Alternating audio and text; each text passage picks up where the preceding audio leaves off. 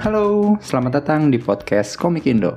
Sebelumnya gue mau mohon maaf lahir batin dulu nih. Selain karena memang baru aja kita melewati momen lebaran, gue juga mau minta maaf karena rentang update episode kali ini lumayan jauh. Iya iya, kayak ada yang nungguin aja. Oke, skip.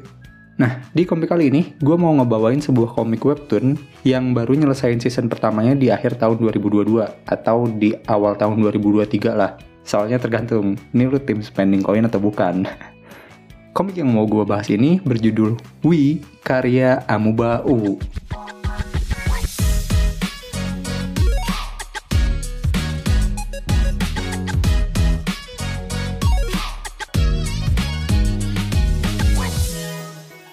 Sebenarnya gue udah mau review komik Wii ini dari awal tahun, cuma ya karena satu dan lain hal gue baru bisa review sekarang. Tapi selama rentang waktu itu gue mendapatkan satu hal menarik, Semenjak season 1 komik Wii ini selesai, dari awal Januari sampai sekarang hampir 4 bulanan lah. Komik ini tuh selalu masuk ke dalam list top webtoon komik.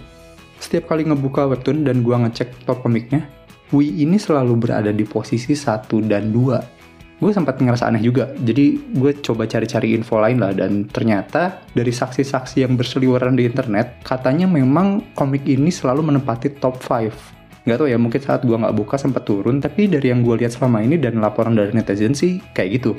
Keren sih. Oke komik Wii ini kalau nggak salah udah ada sejak tahun 2020 di kanvas webtoon. Dan barulah di tanggal 27 Juli 2021 komik ini terbit sebagai webtoon official. Saat masih jadi webtoon kanvas komik ini dikategorikan sebagai webtoon komedi. Tapi sekarang dia dikategorikan sebagai komik slice of life Selain itu ada unsur-unsur drama dan sedikit rometnya juga sih di komik ini. Premis komik ini sendiri menceritakan kisah seorang siswi yang menjalani masa SMA-nya bersama teman-temannya dengan latar belakang dan watak uniknya masing-masing. Pemeran utama dari komik ini adalah seorang siswi bernama Amu. Ia ditemani oleh beberapa sahabatnya yaitu Upi, Toro, Shoto, dan Kiki. Komik ini membahas tentang suka, duka, cita-cita, dan cinta para karakternya.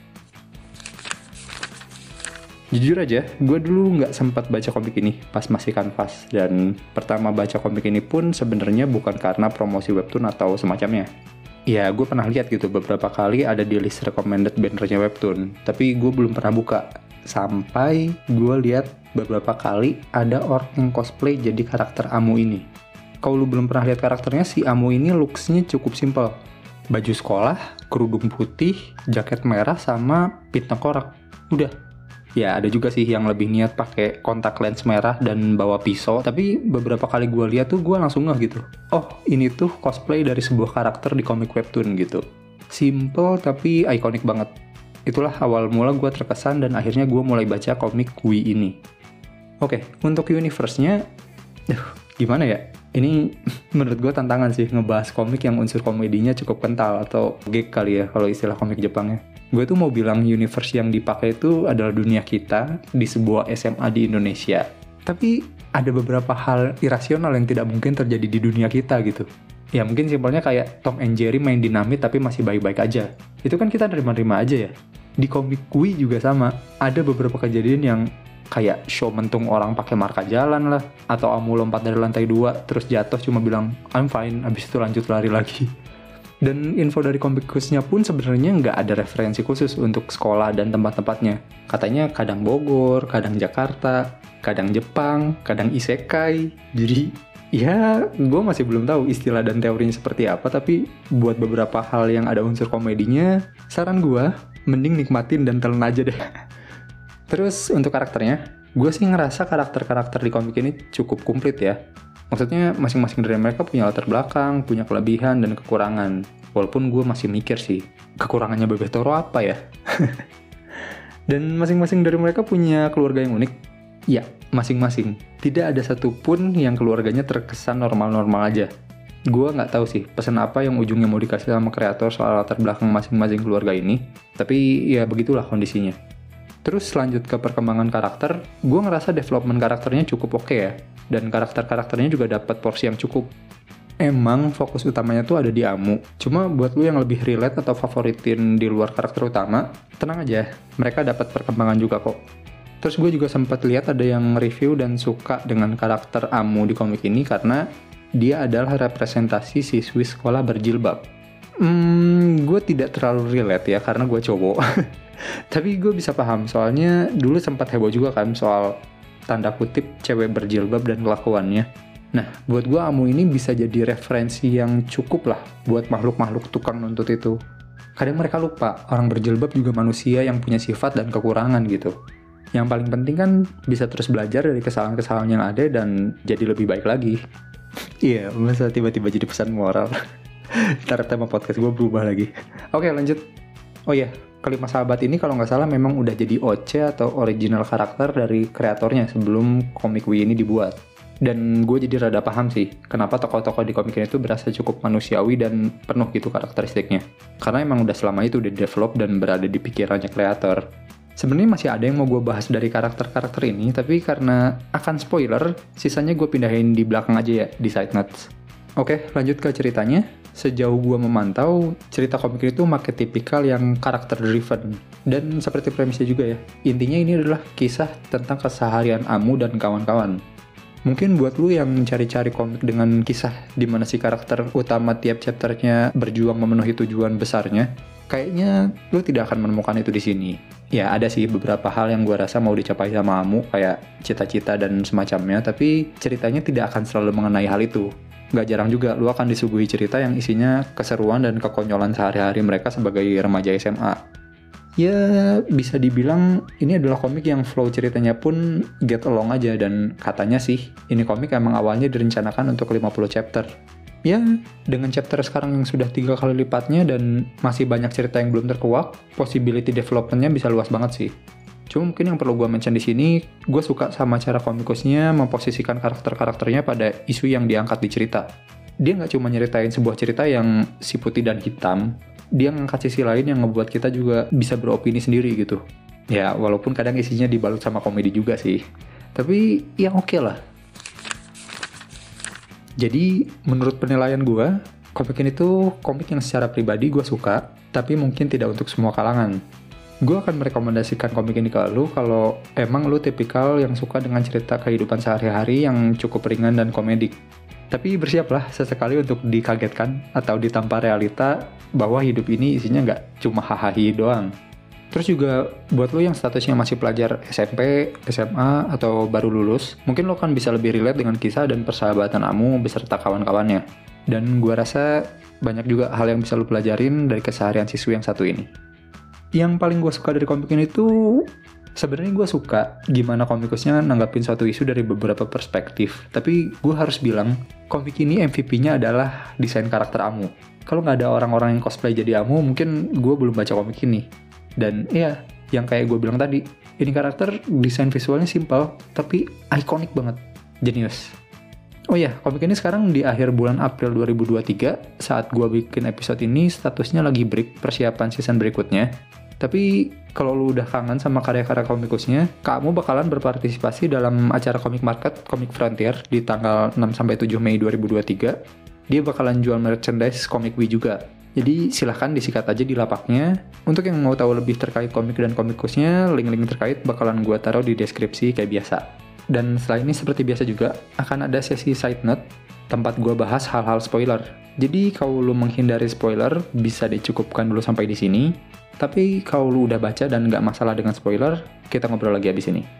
Jangan lupa, dukung terus perkomikan Indonesia, bukan hanya karena nasionalitas, tapi juga karena kualitas. Sampai jumpa lagi di episode lainnya. Dadah!